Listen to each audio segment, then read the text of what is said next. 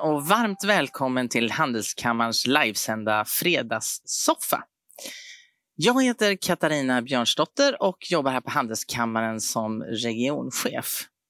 Och idag så har vi superentreprenören från Karlskrona med oss. Mannen som har grundat eh, kabeltätningsföretaget Roxtech, som har eh, varit med och startat upp molnlagringsföretaget Compverde, företaget Metget som är ledande inom RFID och nu senast Anocca som forskar på immun, immunterapi mot cancertumörer.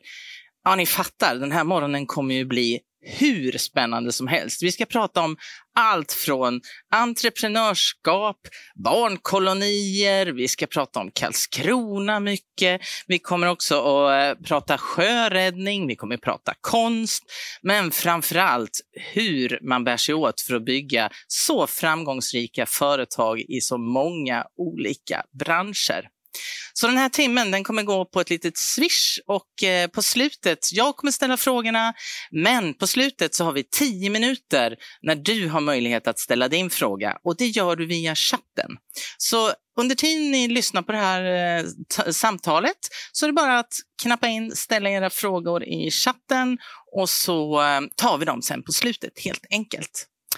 Nu kör vi så det ryker tycker jag, för den här timmen kommer gå snabbt. Varmt välkommen Mikael Blomqvist. Tack så mycket. Så roligt att ha dig här. Mm, kul att vara här. Första frågan, alltså ditt namn var ju på allas läppar för ett antal år sedan.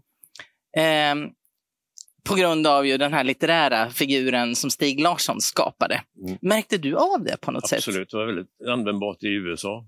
Det var det? Ja, ja. Det, ja, ja. Mm.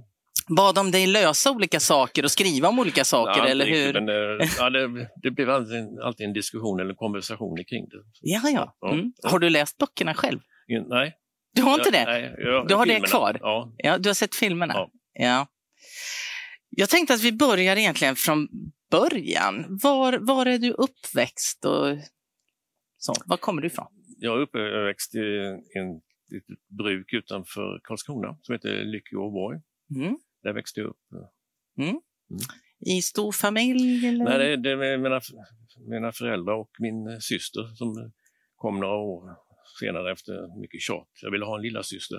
Var mitt önskemål.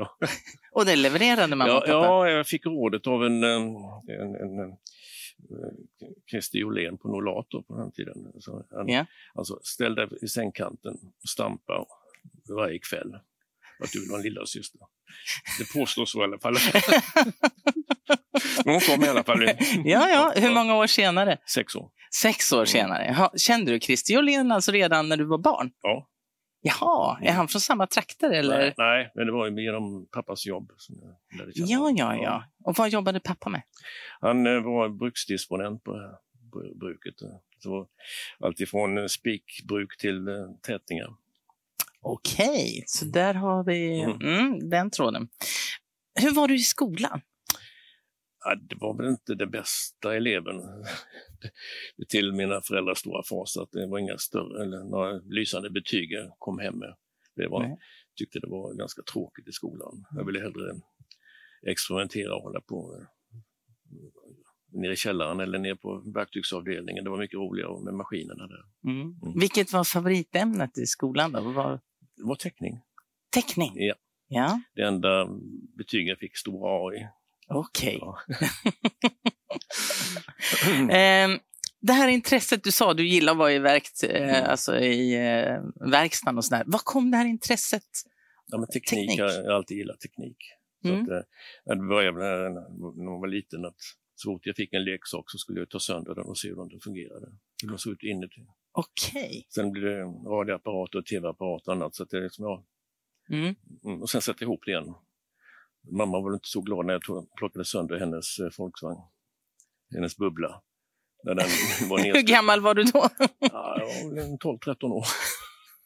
och hon kände inte till det utan du gjorde ja, det på ja, eget ja, bevåg? Sen satte jag ihop den igen. Sen satte du ihop den och den funkar? Ja. ja. ja. Mm. Allt. Gick den igenom besiktningen också sen? Ja, jag gjorde den. Men jag hade nog missat en gång för det, när jag sen några år senare ute och körde, mm. jag precis fått körkort, då tappade jag bakhjulet. Oj. Mm. Så du hade inte skruvat till riktigt? Nej, det var eh, det. någonting som hade gått snett. Men det gick bra i alla ja, det fall? gick bra. Ja, Jajamensan. ja, det var Mm. skönt. Eh, men jag vet också att eh, min kollega Ulrika här berättade för mig att någon gång när du har kommit hit så har du haft en ryggsäck med solceller på. Mm.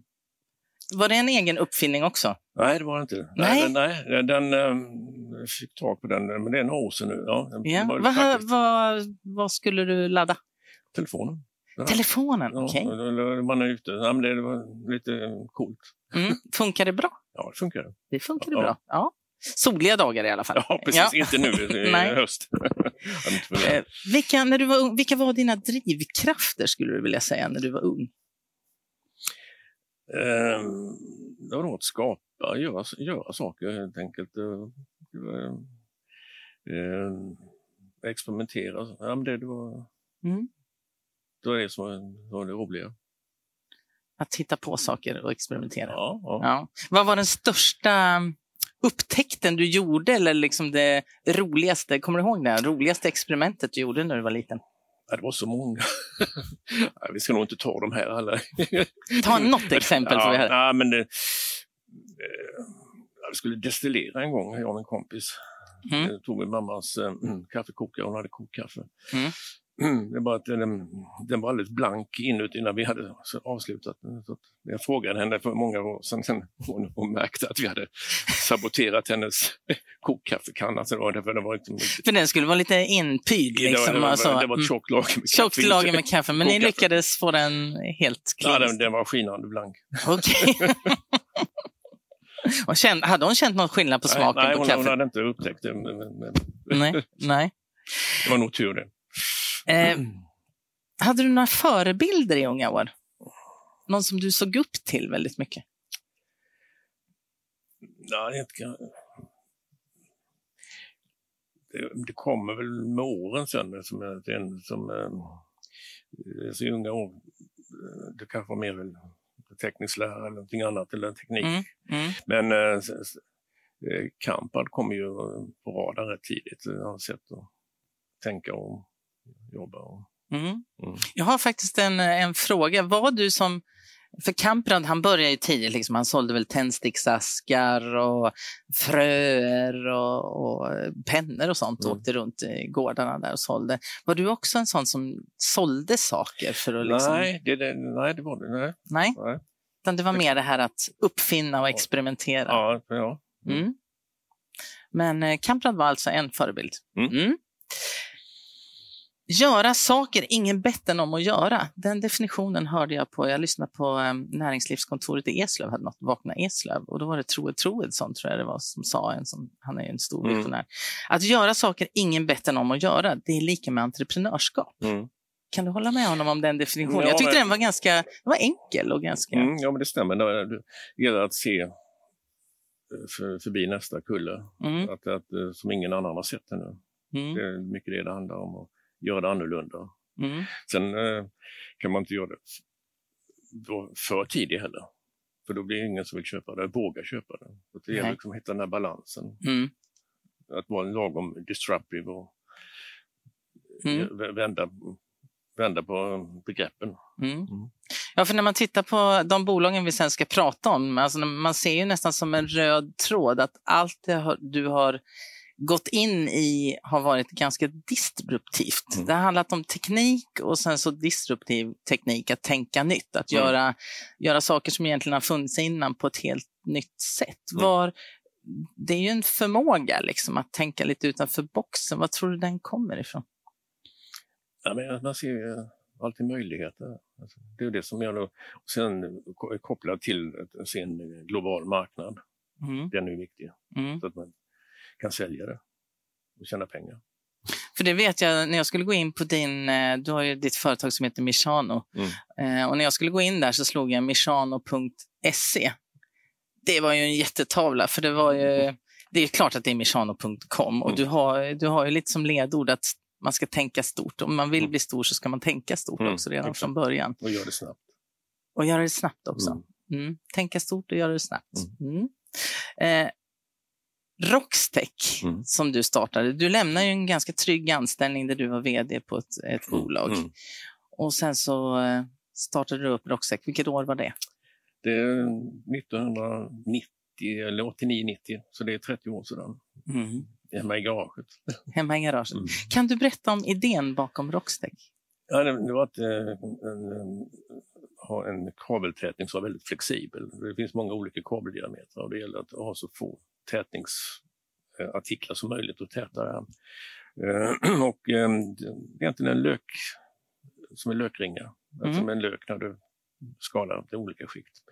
Det var en sån tätning som vi tog fram och eh, sen har det vidareutvecklats oerhört mycket och eh, idag passerade Rockstech eh, två miljarder i, i år i omsättning. Så Oj, eh, det är kul. fantastiskt. Eh, jag har två miljarder, 800 anställda tyckte jag läste Mm, någonstans. ja, ja. Mm. Det är ju en enorm resa Mm. och från liksom ditt garage till det här stora. Du måste ju vara oerhört stolt över det. Absolut. Jag har inte varit med hela resan, men jag har följt det. Ja. Mm. Men hur, hur känns det liksom att ha ett sånt globalt bolag som blomstrar så Mm. mycket som det gör och veta att det är jag som har grundat det? Hur är den Ja, känslan? men det, känns väldigt bra. Det är väldigt kul. Och sen Mm. är jag väldigt eh, glad att eh, eh, Rune Andersson eh, tog över stafettpinnen. Jag ville ha en industrialist som tog det vidare. Och nu är både Rune kvar och Johan är med Mm. i bilden. Mm. Också. Så det var Mm. fantastiskt kul. När var eh, Mellby Gård köpte det av dig? Eh, 2008, 2006, 2008 var det två omgångar. Mm. Och det var alltså du själv som önskade, du frågade då familjen Mm. eh, Andersson om de ville gå in.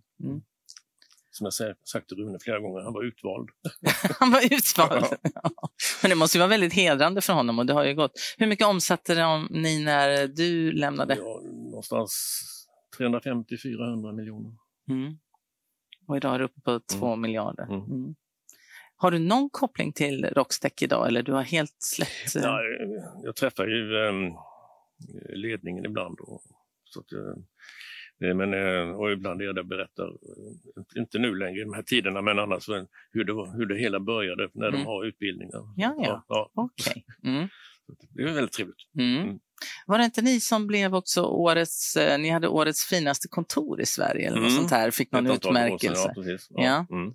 Så det här med alltså, teckning, konstintresset har hängt med dig även sen när du har skapat dina företag, skulle vilja säga det? Absolut. Och arkitekturen. Och Mm, arkitekturen, mm. Ja, men det är, en- det är ett Mm. signalvärde som är oerhört viktigt. Men det är även Mm. eh, produkten, eh, Rockstech, den är blå och svart.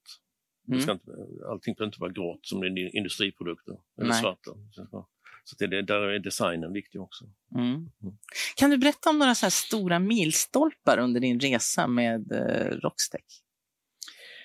Ja, det är en av de viktigaste när, när, vi, när vi var 12-13 anställda medarbetare så eh, satte vi ner våra kärnvärderingar.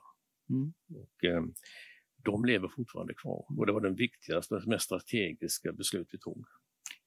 Och du kan garanterat rabbla dem även i sömnen. Kan vi få höra dem? ja, men det, ja, men det, det är enkelhet och eh, bättre att äga en marknad än en, en fabrik. Och, eh, och eh, göra det enk, eh, enkelhet är en av de Mm. viktiga. Mm. Och att göra det... Och, och, och flex, fle- väldigt flexibel. Ja. Det gäller att inte... Ena dagen är aldrig lik den andra. Nej. Mm. Mm. Och det satt i, eller sitter fortfarande i väggarna? Ja, det gör det. Mm. Härligt. Och de har dig då ibland, alltså när det är introduktionskurser för nyanställda Ja, så får du komma dit och... Ja. Ja, det är ju, ja, Mm. det är ju fantastiskt. Sen så, um, nu har du ju startat, eller du har ju drivit ditt bolag Mishano då, som jobbar mycket med investeringar och startar upp så. Mm. Eh, vad står Mishano för? Eh, Michael and no others. Det tycker jag var helt, Ja. jag vet för jag har ju pratat innan. Jag tycker det är helt eh, suveränt Mm. roligt. Det kanske blir lite jobbigt när näst- nästa generation ska ta över Ja, med den precis, jag här. tänkte på det också, så att vi får se nu vad min dotter Sofie vad hon tänker göra. Hon, hon kommer in i bolaget mer och mer och tar över vissa av verksamheterna. Så att, ja, Mm. får vi se Mm. Sen var du med och grundade också Metget och det var Mm. under tiden du fortfarande var aktiv inom Rockstech. Mm. Mm. Eh, som då jobbade med RFID-teknik. Mm. Kan du berätta lite om det bolaget? Ja, det är en, eh, just att, att eh, göra, ja, för kontroll och chip och inbakade mm. i kreditkort och annat. Mm. Um, väldigt spännande. Vad står RFID för? Det står? Radio Frequency Identifying. Mm.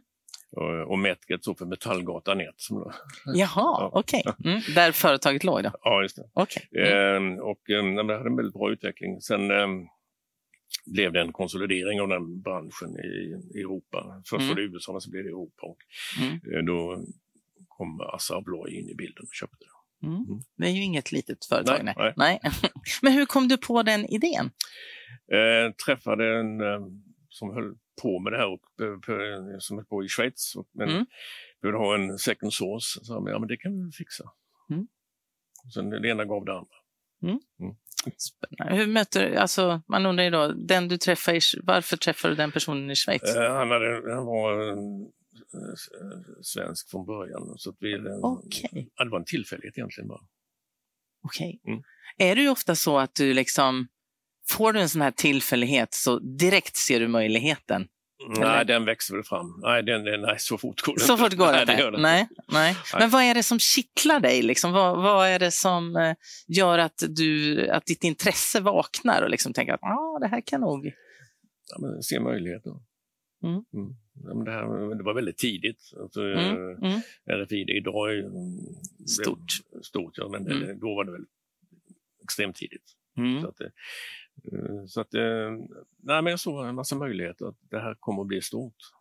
Det kanske mm. var för tidigt. Mm. Ja, men det, ja, mm. men det, det, blev det. Du fick verkligen rätt.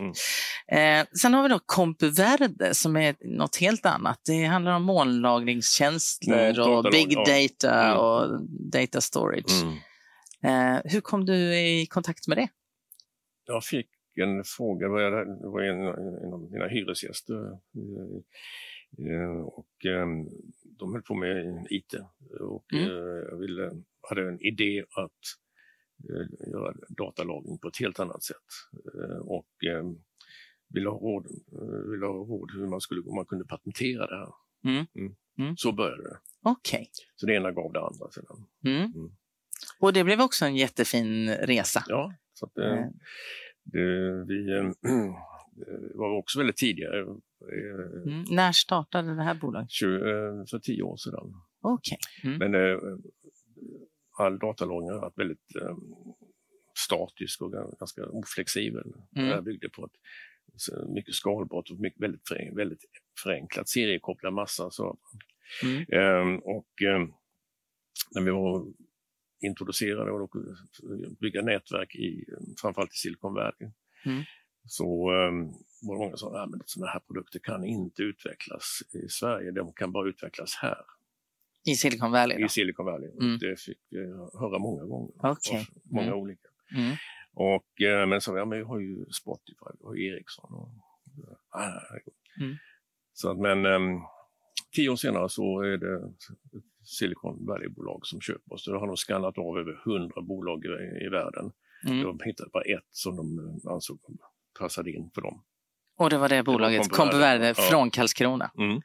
Ja, det är helt... det är kul. ja, det är ju glimrande. Vad heter det amerikanska bolaget som Pure har köpt det? Storage. Pure Storage. Mm. Hur mycket omsatte? Vad gick liksom, hur gick omsättningen för CompuVerde?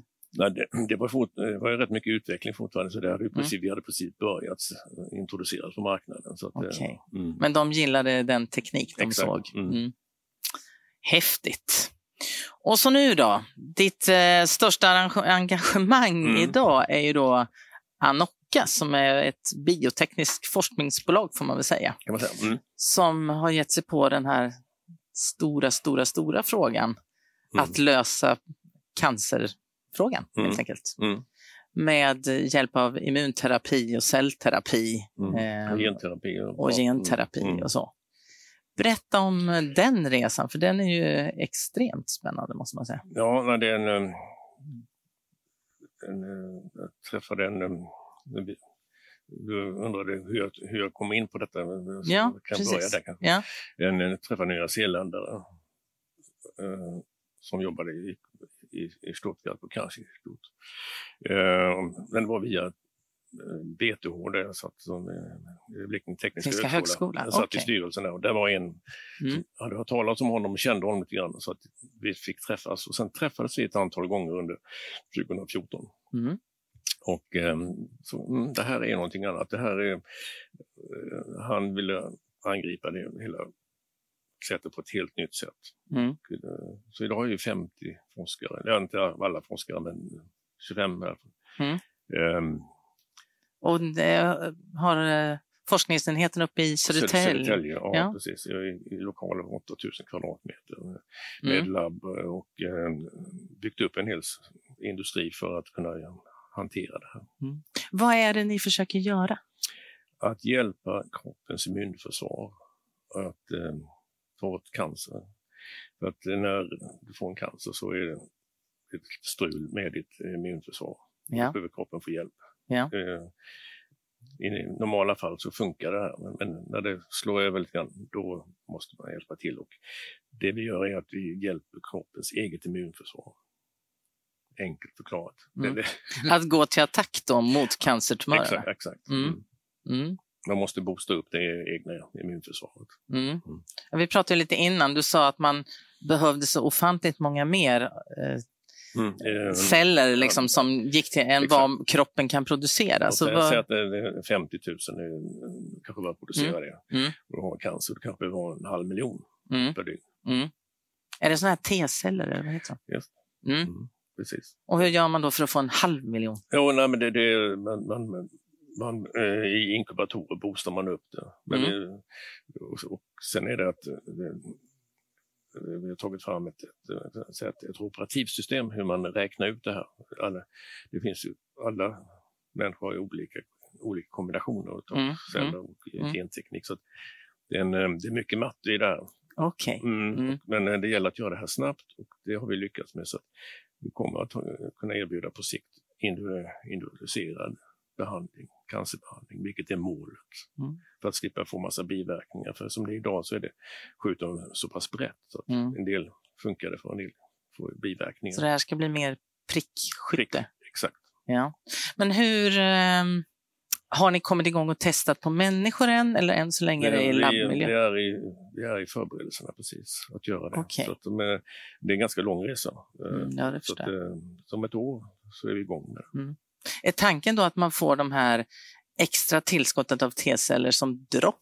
Eller, eller, Ja, Mm. precis. Så Mm. Det är drap. Så att, eh, mm. mm. Ska det gälla för alla typer av cancer eller det är mer... Ja, det, det, är, det är för stor ambition. Ja. vi bryter ner det i olika, vi har inte bestämt exakt vilka det är idag. I alla fall, vi jobbar med dem, hur, vilka vi ska börja med. Mm. det, det, Mm. Men ehm, i princip skulle man kunna göra det, men det är för ambitiöst att säga så. Det, det går inte. Nej, Det- nej, det- nej, det Det gäller att ha fokus, annars så blir det, Mm. tappar man Mm. koncentrationen. Vilka är med, mer med som ehm, investerar i det här Anocca? Ehm, dels är det och Mellbygård med. Okej. Som jag är väldigt glad för. Ja. Ehm, Alexander Ernroth från eh, Finland, alltså, Finlands Wallenberg, Sverige. Mm. Ehm, sen är styrelsen gått in ganska hårt också. Och, ehm, Mm. eh, och management. Så det är ett bra team. Mm. Det låter så. De här forskarna de som forskar, är det, är det mycket svenskar eller det... Det är, ehm, utav de 50 så är det ungefär 25 nationaliteter. Oj! Och Mm. jag tror de är fem eller sex eh, svenskar. Mm. Ja, det där. Och det här har ju vissa likheter med det vaccin som man idag har tagit fram till covid-19, eller hur? Mm. Den här tekniken. Mm. Kan du berätta om liksom Ja, det- parallellerna det- där? Vi, vi kan ju hantera virus, alltså det ingår i det här. Så att det, vi, Mm. eh, men eh, vi tittade på det här i, i våras. Mm. Men eh, det är lite för disruptive för eh, etablerad industri nu. Då. Alltså, vi kan inte göra vaccin själva, men vi skulle Nej. kunna säga hur, hur man ska göra det. Ja, ja, för det är samma teknik, liksom att man skjuter in såna här celler som sen går till, eller Ja, det- immun, det- att immunförsvaret då Ja, kan bekämpa viruset. ja att bekämpa viruset. Ja. Ja. Precis. Det, det, är lite, det, det är väldigt förenklat Ja, sagt. jo, det förstår jag. Det förstår jag absolut. Vi håller där, ja. Det blir för... det blir alldeles för avancerat annars. Jag tyckte ändå att, eh, för det stod ju mycket om det här, PM Nilsson skrev ju en artikel om detta i eh, Dagens Industri. Mm. Och jag tyckte det var så fint det han skrev på slutet, det allra sista, så här, vi kallar det vaccin, men det är också en idé om människans frihet att skapa. Mm. Håller du med om den? eh, Mm. Jo, men, det- Mm. Mm. Och det här är väl första gången man tar fram ett vaccin som inte utgår från själva viruset utan som faktiskt man skräddarsyr syntetiskt. mm. på något sätt. Ja, ja. Ja. Och det är därför det har gått så fort förstår jag. ja, väldigt fort. Ja. Väldigt fort. Alltså, Ja. När man tittar på alla de här bolagen som du har varit med och varit delaktig i och skapat. Det har ju blivit guld av alltihop. Alltså det har ju gått väldigt, väldigt bra med dem som vi nämnde nu. Hur, hur, hur gör du? Nej, det är eh, man är som en lagledare egentligen. Det gäller att hitta rätt kompetens runt, omkring sig. Mm. Jag är inte bäst på allt, så att, eh, långt därifrån. Utan det, gäller liksom, det, det är som ett fotbollslag, handbollslag. Det är inte bara eh, forwards. Det, är, det är så mycket annat Mm. för att, för att få ett komplett bra team. Det är det med företag också. Precis Mm. samma sak. Är det din främsta egenskap att du är en väldigt god människokännare och känner i, alltså kan hitta människor som har den här rätta kompetensen och att du, du liksom vet? Ja, med åren har man, har man lärt sig eh, ja, kan man säga. Ja, det, Mm. det, Mm. det handlar mycket om det. Mm. Och, och förtroende. Mm. Och ge, eh, ge- och ge eh, för förtroende för att eh, kunna utveckla, att de kan utveckla sig också. Där har du ju verkligen en likhet med din förebild Kamprad. Mm. Han har ju alltid nämnt det att det har varit, att det har varit hans främsta Mm. egenskap att kunna omge sig med rätt kompetenser. Mm. Ja. Men när vi tittar på de här bolagen, så, vilka, vilka kriterier är det som du tycker bör, alltså vad ska uppfyllas för att du ska gå in i det? Vad liksom, Ja, men det ska vara eh, nytänkande, det ska, ha en, det ska kunna vara skalbart och, och finnas en internationell marknad för det. då vaknar ditt intresse. Mm, kan det, Mm. det kan göra. Mm. Inte alltid. Har du fler sådana här i pipeline just nu Ja, just nu har jag fullt upp med, eh, med det vi har. med det ni har? Ja, Det Mm. gäller att vara, fokuserad också och inte Mm. bli splittrad. Får du mycket propåer, alltså, men, alltså människor som vill? Ja, att- det tid till annan, absolut. Mm. Du har ju en massa styrelseuppdrag också. En del. Mm. Entreprenörskapsforum 1 Just, till mm, exempel. Precis. Kan du berätta om det ni gör där? Ja, det är, ett, eh, det är en stiftelse och det är att just ta fram forskningsrapporter om entreprenörskap, hur det fungerar i samhället, liksom olika eh, studier som görs. Eh, nu är en stor med int- integrationen och hur du kan eh, den problematiken, att, Mm. att självförsörjningsgraden. Mm. Så det, eh, alltså det är olika projekt som körs, är olika forskare som anlitas och som gör olika studier och sen publikationer. Det är väldigt spännande. Mm. Mm. Och det är ganska en del kopplat till BTH, alltså Blekinge Tekniska Högskola? Ja, eller? eh, eh, Johan Eklund som är VD i Entreprenörskapsforum har en tjänst på BTH också. Så att, Mm. ja. Mm, ja, det den kopplingen. Ja. Eh, vad är det största här framöver nu då för Entreprenörskapsforum? Är det det med integration och... Ja, du ser, den är precis släppt nu. Den, Mm, en, mm. eh, den eh, skrivs väldigt mycket om det just Mm, nu. Så mm, att, eh, men eh, det kommer nog bli en del spin-off kring det också. De borrar ner sig lite mer i vilka regioner och så vidare. mm, Vi får se vad det kommer ut. mm. Mm. Sen har vi ju, har du ju ett handelskammaruppdrag också. Just det. Du är styrelseordförande i E22 AB. Just det. Och idag så åkte du, eh, du körde ju bil idag Japp. från Karlskrona till Malmö där vi sitter. Eh, och det gick snabbare än vanligt. Kan Ja. du berätta varför? Ja, det invig, en, en, en stor etapp på 15 kilometer invigdes igår eh, från Nöbbelöv till eh, Lindryne. Ungefär. Mm. Fantastiskt att köra. Tyvärr är det mörkt nu men jag kör hem nu. Får Då får du njuta där och bara känna. Det hade så. varit en, en efterlängtan. Ja. En fler, men vi kämpar ju att det är fler sträckor som måste byggas ut. Då. Ja.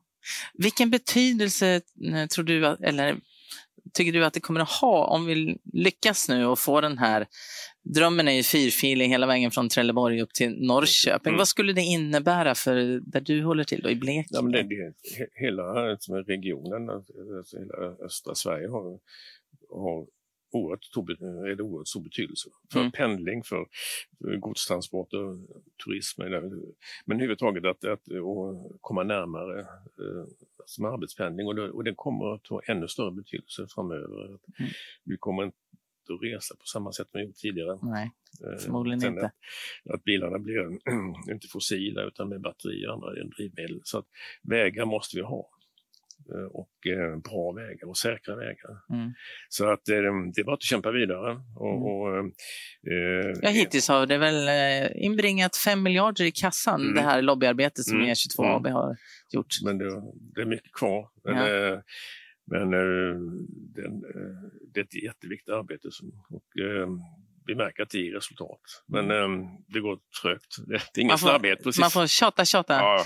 Man får spotta på stenen till det blir alldeles blött. Mm. Och nu är det väl, eh, vanns det inte en liten eh, delseger här med Jämjö? Jämjölösen, ja. ja, att, ja. Att, eh, den, att regeringen, det hade överklagats och regeringen mm. godkände, eller, godkände inte den överklagan utan nu väntar igångsättningstillståndet. Mm. Så vi hoppas ske innan december ut, så då kan de komma igång fortare. Annars tar det ett år till. Okay. Ja, men i alla fall eh, på rätt väg. Mm. Ja, för det var ett av de här, vi tog ju fram ett antal spadklara projekt mm. nu här i covid-tider där man verkligen, mm. bara man fick pengar så skulle man kunna sätta spaden i marken för alla mm. myndighetsbeslut är klara. Och det var ju det, en mm. sträcka. Mm. Så det är, ju, det är ju jätteroligt. Du är också hedersdoktor vid BTH. Hur blir man hedersdoktor? Ja, det, det, visste jag inte om själv. Nej, nej jag har ingen aning. nej, nej, men, nej, men det, och, och eh, jag blev väldigt glad när jag ja, det fick, förstår jag. fick det. Och, mm. eh, eh jag har inte motiveringen i huvudet nu, men, nej, men det var nej. väldigt, väldigt um, trevligt och um, uh, väldigt positivt. Och um, jag kunde då glädja min mor då i 95 års ålder att jag mm. hade tagit examen. Äntligen! Ja, äntligen! Bättre sent än aldrig ja, och det här blev väldigt mm. Eh, mm, mm. fint. Kunde hon vara med när du fick din ja, hon doktor? tyvärr inte det. Nej, men, Nej, det är klart, 95 mm. år är ju... Mm, men hon, hon, hon, hade hoppats det, men det, det ja. gick tyvärr inte. Nej. Jag tänkte vi skulle gå över på att helt lämna det här med entreprenörskapet och sånt och gå över på, för du är ju också en stor filantrop. Mm. Och har ju oändligt många projekt eh, runt omkring och mycket via ditt bolag då, Michano. Bland annat Studio Furillen sa vi att det skulle betonas. Ja. Du har Spanska trappan i Karlskrona. Du har skänkt pengar också till eh, en skulptur som står nära Ros Rosenbom, ja. Rosenbom mm. ja, i Karlskrona som heter Sprungen ur en bok mm. som var en hyllning till Nils Holgersson 100 år. Mm. mm. Och sen har du varit med och eh, donerat pengar till en ubåtshall på mm. Marinmuseet. Mm. Och sen så har du, det har vi ju lite gemensamt, för jag har varit med och när jag jobbar på Sparbank så sponsrar vi sjö, Sjöräddningssällskapets båt Rescue Gripen mm. i eh, i eh, Torekov. Mm. Och du har en som heter Rescue Michano. Så det är ju också, då får man hoppas, vi hade ju lite knackigt på banken ett tag, då blev det inte så kul att den hette Rescue Gripen. Det blev lite så här, uh. men, men så kan det bli. Ja. Eh, och sen har vi en sak till faktiskt gemensamt. Det är så att jag har ju en dotter som bor i Karlskrona och en svärson som kommer därifrån. Och de har jobbat i eh, många somrar på Säljö barnkoloni mm. som ligger precis tvärs över där du bor. Ja, precis. Mm. Och det här projektet har du också varit med och stöttat. Ja. ja. Mm. mm. Vad ser du, hur ser du, alltså, vad gör den här barnkolonin? Nej, den, eh, det är ju för um, en verksamhet för, för uh, ungdomar eller, ja, i 10-15 års ålder att, mm. att möjligt komma ut som kanske inte har haft alla, har alla möjligheter att göra det. Mm. Så att det är en, och, ehm, eh, jag tycker det är ett behjärtansvärt initiativ som har Mm. pågått i många år. Ja. Så Mm. att det, det är väldigt kul. Eh, ja, de, dit måste man ju ta sig, man kan ju bara ta båt dit. Exakt. Mm. Ja. Så den går ju precis nästan Ja. ja. från Knösö där du Ja, bor, jag, ja, över. Så jag har åkt den, så att jag Ja. vet. Ganska liten, väldigt liten båt. Ja. eh, är det inte konstigt också, tycker du, att eh, just det här att om det händer en olycka till havs Mm. med en fritidsbåt, då är det liksom inte ambulans och sånt som gäller, utan då är det det frivilliga sjöräddningssällskapet som Mm. då har båtar. Och innan fanns det inte ens en båt, vad jag Ja, förstod, det, fan, i ja, det, Karlskrona. var, ju- det lånades så det var alltid strul att få tag på en båt i, Mm. Karlskrona. Mm.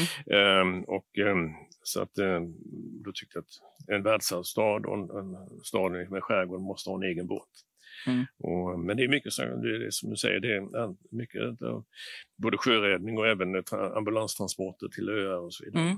Så är det sjöräddningen, en fantastisk organisation, Mm. verkligen. Men, ja, visst är det märkligt? Ja, ja det är märkligt. Mm. Att liksom inte det täcks av det allmänna. På, Mm. ja, ja, jag har aldrig förstått det. Inte jag. Sen det här Kungshallens lagerbyggnad som Mm. är, är byggd på, vad heter den? Stumholmen. Stumholmen, Mm. just det. Eh, som är byggd redan på 1700-talet. Mm. Den har du också köpt. Ja, ja precis. Ja. Ehm, Vad ska du hitta på med den? Ja, den frågan får jag ofta. Ja. Eh, och, och, eh, den, eh, den ligger fantastiskt fint, en fantastisk byggnad. Eh, Mm. Den, eh, den eh, behöver renoveras eftersom det finns en toalett och eh, ingen värme eller någonting. Så att den, eh, eh, men det går, skulle kunna gå att skapa en väldigt fin eh, och kreativ eh, arbetsmiljö. Mm. Eh, Men eh, det är lite på hold i de här tiderna. Hur kommer Ja, ja. Hur kommer vi att jobba framöver? Ja, så där tror jag att det kommer bli ganska stora förändringar hur man kommer att jobba. Mm. Eh, En mix att vara på jobbet och hemma och, och hur vill man att de framtidens kontor ska se, se ut. Är det Mm. mötesplatser bara, där man ska börja nätverka och sen hem och jobba? Eller, ja, det kommer att hända mycket så att, eh, Mm. vi får se vad som händer. Mm. För via Mission, ni har ett business center också Mm. i, eh, i Karlskrona Ja, med flera hyresgäster. Mm. Då, som, Mm. mm. Kan du berätta lite om... Nej, det, det är inte som ett kontorshotell där vi Ja. eh, har ett 30-tal hyresgäster, olika företag. Mm. Varierande storlek ifrån ett um, 25-tal till en enmansföretag. Så att det, det Mm. är Mm. väldigt trevligt. Mm. Hur har det sett ut nu under corona, i coronatid? Eh, De större jobbar hemifrån eh, väldigt mycket. Mm. Eh, så det, det är betydligt mindre aktivitet, eh, det, Mm. det märks. Mm. Så att, eh, ja, men, ehm, men alla verksamheter rullar ju på. Mm. Absolut. Så det, men eh, det är mycket distansarbete för många. Mm. Man märker ju att du är väldigt intresserad av att koppla ihop eh, alltså, historia och framtid Mm. i många av dina projekt. Eh, vad kommer liksom, vad kommer intresset från, av historia från? Nej, men den, den, eh, det, blir, det blir en spänning då. Man kan, De här två världarna kan mötas och föra det med sig i en ny kontext, det historiska, till någonting nytt. Mm. Återvinning. Återvinning, ja, ja men det är sant. Absolut. Du har ju också satsat på infrastruktur. Det tyckte jag var en fantastiskt rolig historia. För du var en av de första i Sverige som köpte en Tesla. Mm. Men hade ingenstans att ladda den. Nej, precis. Nej, så vad gjorde du? Jo, jag, jag tjatade på Tesla eh, att uh, måste ha längs E22. Mm. För det fanns bara längs eh, E4 ett par ställen. eh, Mm. och, eh, men eh, då, nej, all in, infrastruktursatsning skulle gå ner vara nere i Europa. Ja, men då köper jag en, en, eh, station. Mm. Den är inte till salu. Men jag höll på att tjata i, i sex månader. Ja. Så jag fick köpa. Du fick köpa. Ja. Var är den nu då? Den står utanför Business Center i Karlskrona vid kontoret. Eh, Två stationer, eller två laddare. Ja. Och eh, det är fortfarande den enda privata. Det är fortfarande i hela världen? Ja, Okej. ja, det är häftigt. så, att- Ja. men det, så att, eh, och då, då blev det helt plötsligt rätt mycket Tesla-turism också sen eh, efterhand. Ah, Så- och det är inga dåliga turister Nej, nej, precis. säkert att få Ja. dit.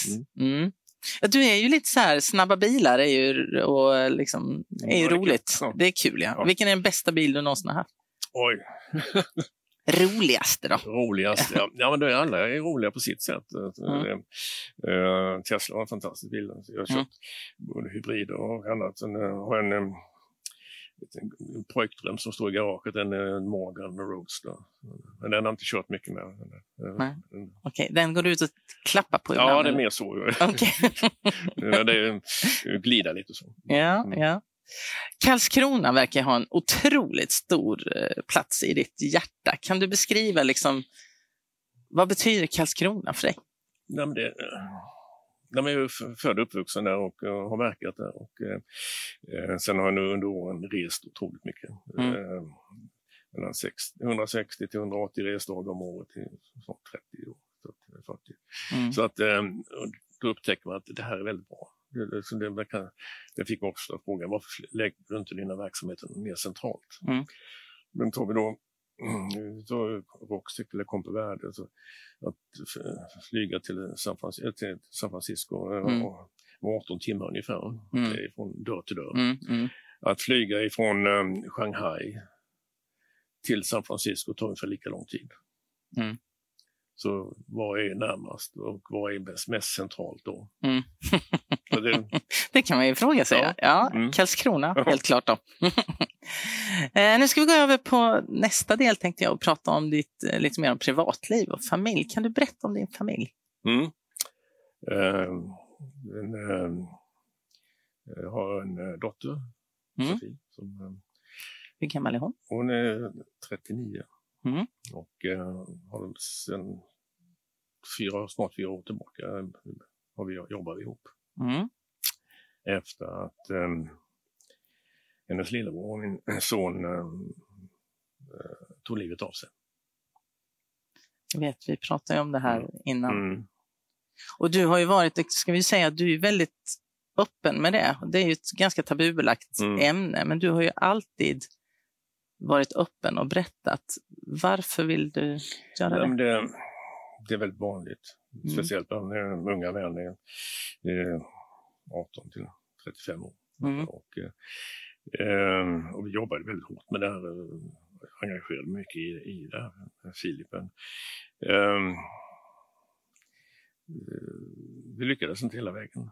Eh, och eh, som psykiatriker kan säga att han eh, kunde, kunde inte ta till sig vuxenlivets instruktionsbok.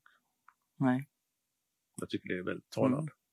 Du berättade ju för mig också att du hade sett eh, den här eh, dokumentären mm. med Avicii. Mm. Och så sa du att oj, vad du kände igen dig. Ja, så det.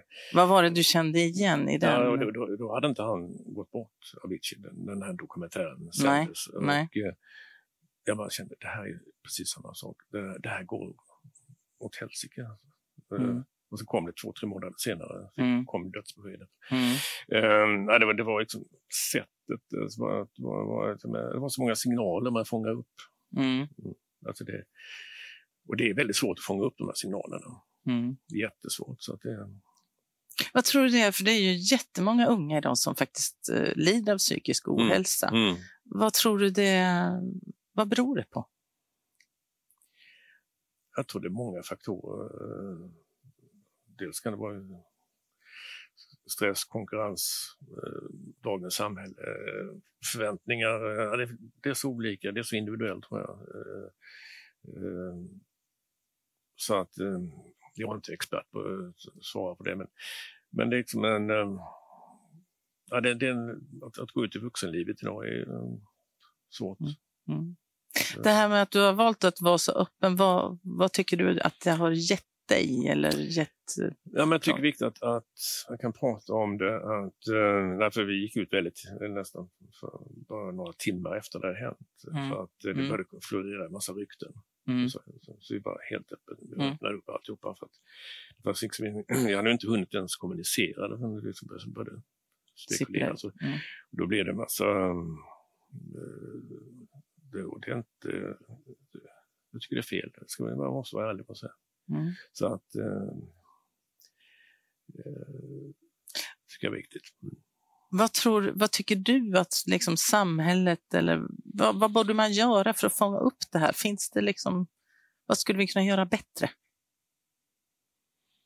Ja, det pratas om det nu på ett helt Mm. annat sätt. Mm, Det är jättebra. mm, Eh, sen har vi nog inte... eh, det, de här verktygen finns nog inte riktigt ännu. Jag tror att sikt- jag hoppas att det kommer på sikt, men, men det, det är en... ehm, jag har inget bra svar på den. egentligen. nej. Men, att, men att, att man är öppen om det, att Att det, om det, prata mer om det. eh, Mm. då är det i alla fall en bit på väg. Mm. Mm. Jag sa när vi hade våran, eh, vi körde ju via Teams, Mm. eh, så hade du i bakgrunden bakom dig så hade du en jättefin glasskulptur som var en avgjutning av en isskulptur du hade gjort. Mm. Mm, uppe i Jocke, antar jag. Ja, Jukkasjärvi, ja. Mm. ja. Och, eh, och sen så var den kombinerad med någon finmålning som var till minne av din son. Mm. Vad, vad har konsten betytt i, liksom, i din sorgebearbetning och i din... Ja, men jag har alltid varit intresserad av konst, men jag har haft Mm. väldigt stor respekt för det är ett, ett, hantverk. Mm. Och eh, ska du vara en riktigt duktig konstnär så um, det, är inte bara att ta en pensel och börja måla. Så. Nej. Eh, så att det är en, och, men när detta hände med Filip så vi hade nämligen eh, då, några veckor innan det hände köpte lite tavlor och Mm, paletter mm, och mm. annat. Så vi skulle måla, men jag hann inte göra det. Så jag eh, tog tag i det och började själv. Och, ehm, ja, det det är mitt intresse.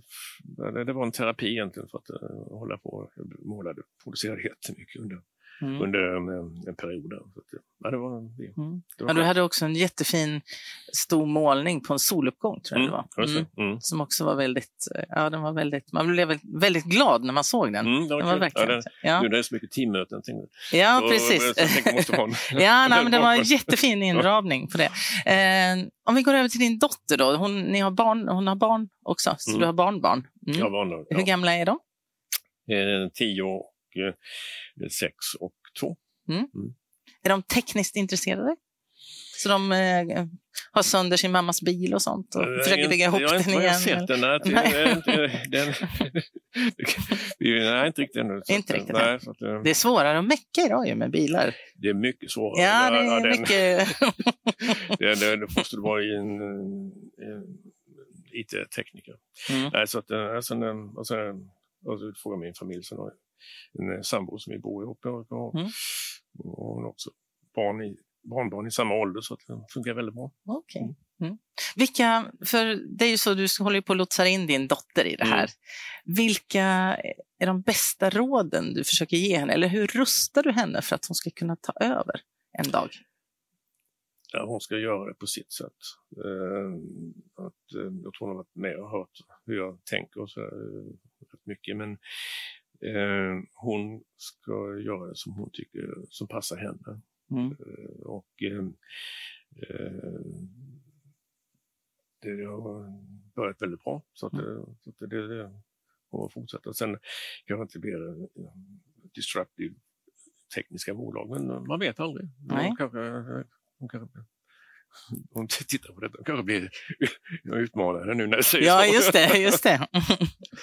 eh, en helt annan sak, alltså, nu, nu är vi på lite mer eh, ytligt här. Du har ju en, en, ja idag har du faktiskt kavaj på dig, men annars när man ser på dig eh, eh, styrelsefoton och sånt så är det Mm. oftast liksom antingen skinnjacka eller du, och du har ofta scarves och sådär. Mm. Så du, du har en mycket... t-shirt under. Du har t-shirt under ja, och sånt, ja. Precis.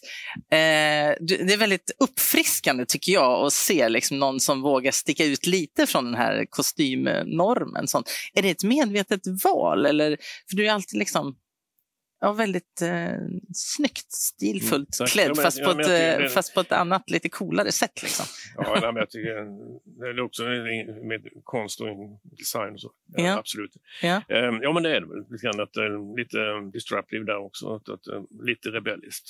Mm. Mm. Mm. Så det är lite, lite medvetet val att Ja, liksom, mm, eh, vilja mm. så, sticka ut. Så. Mm. Jag har lite frågor till, men nu ser jag att tiden rinner iväg. Jag skulle bara vilja vända mig till mina kollegor Sara och Ulrika. Om ni har fått in några frågor i chatten. Ja, det har vi. Vi har fått en fråga från Mikael.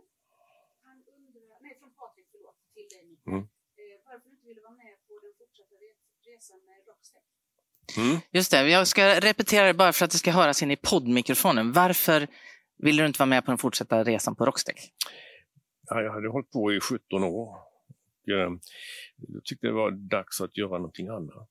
Jag är lite rastlös också, men 17 år är ganska lång tid. Mm. Men jag, annars, jag, jag brukar vara, engagerad under en längre tid men, men, Mm. och vara långsiktig. Men, men eh, den, jag, jag följer den då, men det hade varit...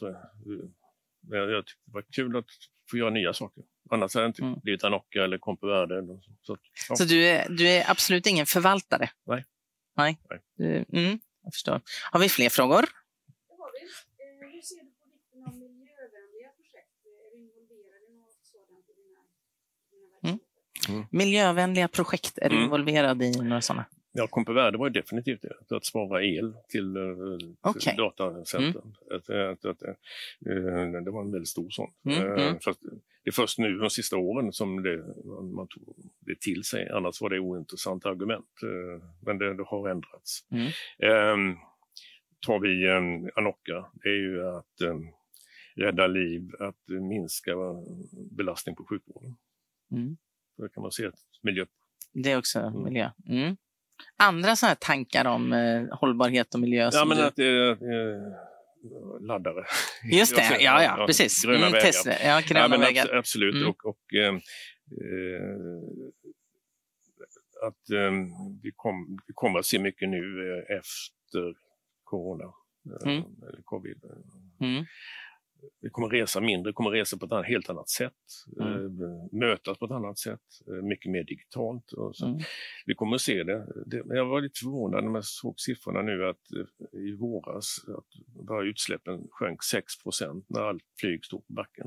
Ja, det, intressant. ja, precis. Det är Mm. ganska intressant. Mm.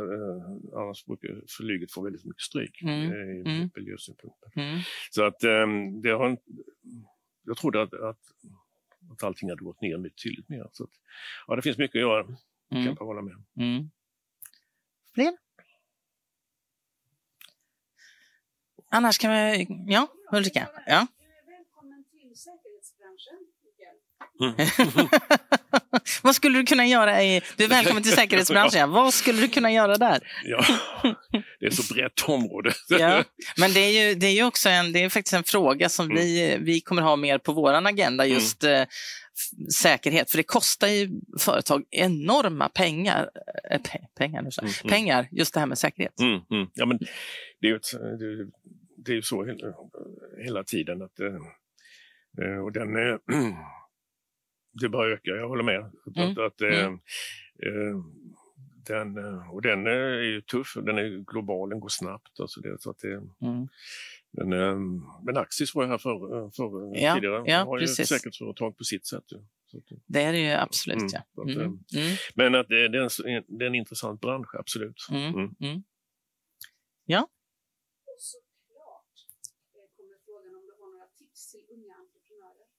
Mm. Eh, tips till unga entreprenörer. Det. Goda tips till unga entreprenörer. Nej, men att um, våga satsa, se, se, våga att göra det stort. Att, alltså, se, att det, alltså inte, um, satsa inte på det för lite, utan att se de stora möjligheterna. Eh, internationellt, absolut. Eh, och, eh, disrupt kan gärna vara så att det inte blir same same, men man kan bara skruva till det. Mm. Eh, sen är det också en fördel som har blivit de sista åren att man kan, mycket av marknadsföring går, går att göra digitalt Mm. med sociala medier och annat, Mm. vilket inte fanns för 30 år sedan.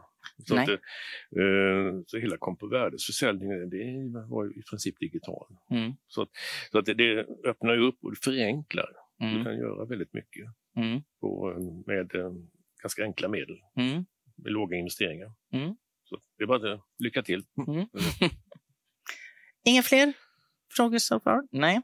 Vad, um, vad drömmer du om att göra i framtiden, här framöver, närmaste åren? Att, ehm, det- dels att, att Anocca visar att det som vi alla hoppas på och tror att det Mm. kommer att fun- Mm. fungera. Ehm, den, ehm, så det är väldigt stort, så det, det är väldigt spännande. Ehm, ehm, att kanske hinna med mig själv lite mer också. Ja. Och vad ska du göra när du hinner med dig själv? Ja, men, det, det, ja, men jag, jag trivs. Jag, jag, eh, på tomten med röjsåg och motorsåg. Och sådär. Mm. Och, eh, det del eh, konstprojekt och annat, men det, ja, det, det finns alltid att göra. Eh, Mm. det- Jag är intresserad. Vad är det för konstprojekt du har? Som Nej, du men tänker? att fortsätta med det som jag Fortsätta med det Ja, du håller på med? Mm, mm, Okej. Mm. Har du fyllt väggarna hemma nu med din egen Nej, konst? Eller hur? Nej, det, nej ja, det var ett tag, men det har tagit Okej. bort det. så att, eh, nej, det, är bara någon enstaka kvar. där, Så att jag, jag har spridit dem på andra håll istället. Ja. Mm. Ja, när du är med barnbarnen, då, vad hittar ni på då? Ja, nu går det ju inte så. Nej, Det är bara utomhus. eh, Ja. Men annars så är det... eh, De älskar ju att vara i den studion att, och, måla, för där, där Mm. står allting färdigt. Och, eh, Mm. Och där kan man kladda hur mycket man vill utan att det gör Absolut. något. Ja, Mm, ja, kan jag misstänka. Så att, det, så att det, det är väldigt kul. Mm. Så att, eh, eh, så att, eh, nej men överhuvudtaget vara tillsammans och eh, men det har blivit ett tack här nu. Och, eh, eh, Fast det går att hitta på mycket utomhus också. ja, det gör jag också, absolut. Så Mm. att, eh, De får eh, hjälpa dig med röjsåg, eller det kanske inte är så bra med små nej, barn men och de, röjsåg. de, de tittar på det bara. De får titta på, Men ja. det är som um, Frank, eh, Sofies eh, son, Mm.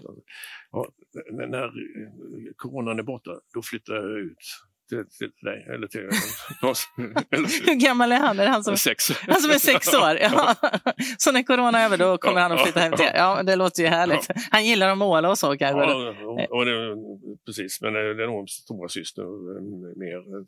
Ja. Men, men eh, ibland så sitter han och producerar. Han orkar inte mer, då har han liksom gjort fyra stycken och slut.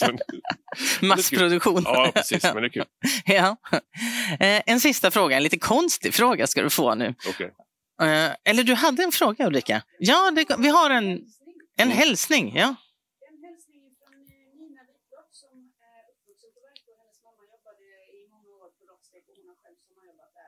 Mm. Jag tycker det är superkul att lyssna på dig. Eh, Hon undrar om det finns några tankar om transport av gods och personer på tåg och eh, båt. Hållbara transporter alltså. Eh, utöver laddbara transporter. Ja, ehm, ja, jag ska Mm. repetera ju. Om det finns alltså idéer om transport av gods och så eh, som är mer miljövänliga. Mm. Mm. Absolut, och ehm, det finns projekt uppe i Sandviken.